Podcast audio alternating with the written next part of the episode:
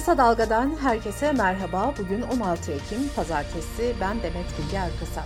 Gündemin öne çıkan gelişmelerinden derleyerek hazırladığımız Kısa Dalga bültene başlıyoruz. Dünyanın gözü kulağı Gazze'de. Geçen hafta Hamas'ın Aksa Tufanı adı verdiği operasyondan sonra İsrail Gazze'ye yönelik havadan ve denizden saldırılar başlatmıştı. Devam eden çatışmalarda ölü sayısı binlerle ifade ediliyor, binlerce de yaralı var. İsrail Gazze'ye kara harekatı yapacağını duyurmuştu. İsrail Başbakanı Netanyahu sınırdaki askerlerle cumartesi günü bir araya geldi. Netanyahu yaklaşan şey için hazır mısınız fazlası geliyor diyerek kara harekatının sinyalini verdi. İsrail bir yandan da sınıra yığınak yapmaya devam ediyor. Bu gelişmeler olurken Amerika'nın önde gelen gazetelerinden New York Times, İsrail'in Gazze'yi ele geçirmek için 10 bin asker göndermeyi planladığını yazdı. Haberde görüşlerine yer verilen İsrail yetkililer hava koşulları nedeniyle kara harekatının birkaç gün erteleneceğini söyledi. İsrail kara harekatına başlamadan önce kuzeyde yaşayan 1 milyondan fazla Filistinliden bölgeyi terk etmesini istemişti. Yüz binlerce insan yollara düşmüştü. Birleşmiş Milletler Genel Sekreter Yardımcısı hasar görmüş yollarda güneye gitmeye çalışan ailelerin bombalandıklarını söyledi. Birleşmiş Milletler Genel Sekreter Yardımcısı Martin Griffiths, insanlık sınıfta kalıyor dedi. İsrail'in tam abluka uyguladığı Gazze şeridinde su ve ekmek sıkıntısı tehlikeli boyutlara ulaştı. Birleşmiş Milletler Filistinli Mültecilere Yardım Ajansı, su sıkıntısının ölüm kalım meselesi haline geldiğini duyurdu. Filistin Sağlık Bakanı ise Sputnik'e yaptığı açıklamada İsrail'in bir haftadır süren bombardımanında Gazze şeridindeki tüm büyük hastanelerin tamamen ya da kısmen yıkıldığını bildirdi. Dünya Sağlık Örgütü, İsrail'in Gazze'deki hastanelerin boşaltılmasına yönelik baskısını şiddetle kınadı. Örgüt bu talimatın hasta ve yaralılar için ölüm cezası anlamına geldiğini belirtti. UNICEF ise çocuklara ulaşmak için acil insani ateşkes yapılması çağrısını yineledi. Uluslararası Af Örgütü, İsrail'in Gazze'de beyaz fosforlu top mermileri kullandığının kanıtlandığını duyurdu. Beyaz fosforun insanların üzerinde yarattığı etki ve zarar nedeniyle savaş suçu kapsamında görülmesine ilişkin tartışmalar sürüyor. İran'ın Birleşmiş Milletler Daimi Temsilciliği, eğer İsrail'in savaş suçları ve soykırımı hemen durmazsa durum kontrolden çıkabilir açıklamasını yaptı. ABD merkezli Gazetecileri Koruma Komitesi 7 Ekim'den bu yana devam eden çatışmalarda 12 gazetecinin öldürüldüğünü açıkladı. İsrail Dışişleri Bakanlığı Sözcüsü'nün açıklamasına göre de 7 Ekim'den bu yana 1300'den fazla sivil öldürüldü, 100'den fazla kişi de kaçırıldı. Uluslararası ajansların aktardığına göre Suudi Arabistan, İsrail ile ilişkilerin normalleştirilmesi için yürüttüğü müzakereleri durdurdu. Çin Dışişleri Bakanı Wang Yi, İsrail'in Gazze'deki eylemlerinin meşru müdafayı aştığını söyledi. Wang Yi, Gazze'deki insanları cezalandırmaya son verin çağrısı yaptı. Fransa'nın başkenti Paris ve İngiltere'nin başkenti Londra'da hafta sonu Filistin'e destek eylemleri düzenlendi. Londra Metropolitan Polisi kente düzenlenen yürüyüşte 15 kişinin gözaltına alındığını açıkladı. Paris'te ise polis Filistin'e destek için kent meydanında ve sokaklarda bir araya gelenlere göz yaşartıcı gazla müdahale etti. Ayrıca Amerika, İtalya ve Malta'da da binlerce kişi Gazze'ye destek vermek için bir araya geldi. ABD'nin İsrail Büyükelçiliği, İsrail'deki Amerikan vatandaşlarını ülkenin Hayfa kentinden Kıbrıs'a deniz yoluyla tahliye etmeye hazırlanıyor. Ülkeden ayrılmak isteyenler yanlarına en fazla 22 kilo ağırlığında bir parça bagaj alabilecek. Evcil hayvanların taşınmasına ise izin verilmeyecek. Bu arada Amerika Doğu Akdeniz'e ikinci bir uçak gemisi konuşlandırdı. Türkiye gündemindeki haberlerle bültenimize devam edelim.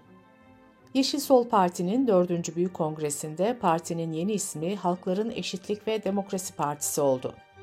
Tülay Hatimoğulları ile Tuncer Bakırhan da HDP'nin yeni eş genel başkanları oldu. Kongrede Abdullah Öcalan posteri açtığı belirlenen iki kişi de gözaltına alındı. Mayıs seçimlerinden yenilgiyle çıkan CHP değişim çağrıları eşliğinde 4-5 Kasım'da yapılacak kurultaya hazırlanıyor. Kurultayda genel başkanlık için Kemal Kılıçdaroğlu ile Özgür Özel'in yarışacağı neredeyse kesinleşti. Gazete Duvar'ın kulis haberine göre Kılıçdaroğlu'nun yerel seçimden sonra partiyi bırakacağı iddia ediliyor. CHP Genel Başkan aday adayı Özgür Özel ise Hürriyet'e yaptığı açıklamada değişimcilerin önde çıktığı İstanbul İl Başkanlığı seçimindeki delege mesajının kurultaya da yansıyacağını söyledi. Son günlerde gündemden düşmeyen Dilan Polat ve eşi Engin Polat'la birlikte 13 kişi hakkında suç örgütü kurmak, yönetmek ve örgüte üye olmak, vergi kanununa muhalefet dahil 4 ayrı suçtan soruşturma yürütüldüğü ortaya çıktı. Demirören Haber Ajansı'nın aktardığına göre soruşturulan kişiler arasında Engin Polat'ın babası, kardeşi, anneannesi, dayısının eşiyle Dilan Polat'ın kardeşleri de var. Soruşturma kapsamında şüphelilerin tüm varlıklarına el konuldu ve yurt dışına çıkış yasağı getirildi. Kısa Dalga Bülten'de sırada ekonomi haberleri var. Meclisin haftalık programı ekonomi ağırlıklı olacak. 12. Kalkınma Planı bugün Meclis Başkanlığı'na sunulacak. Cumhurbaşkanı Yardımcısı Cevdet Yılmaz planla ilgili salı günü sunum yapacak.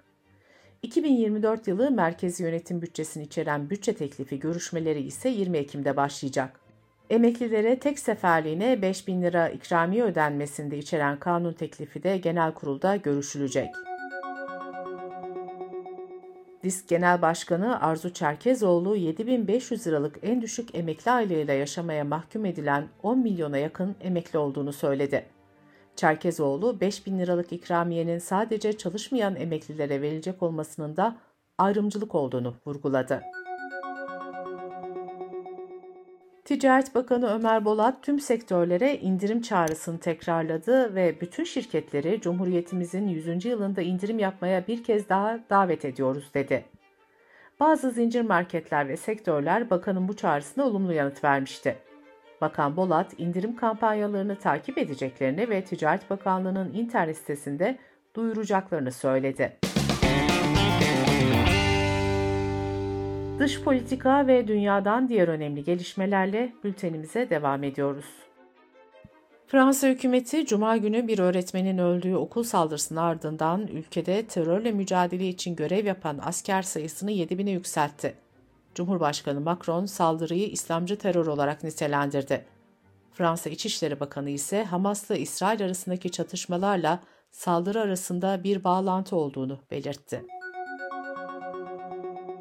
Afganistan depremlerle sarsılmaya devam ediyor. Geçen hafta meydana gelen 6.3 büyüklüğündeki depremin ardından dün de 6.5 büyüklüğünde deprem oldu.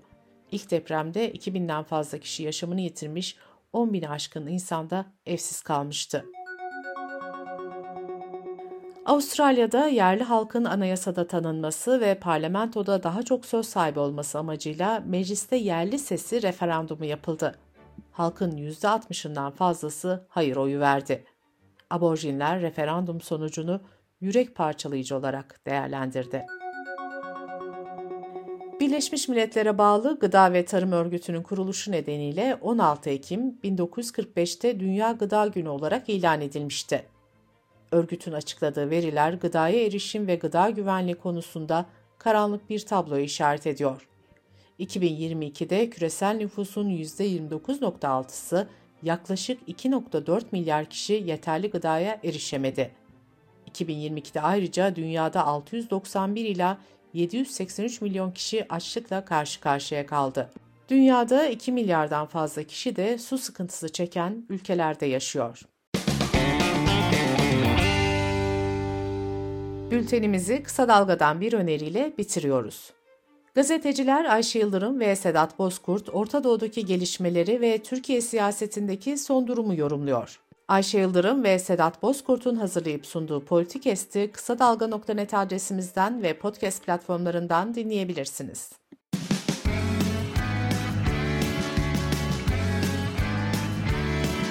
Kulağınız bizde olsun. Kısa Dalga Podcast.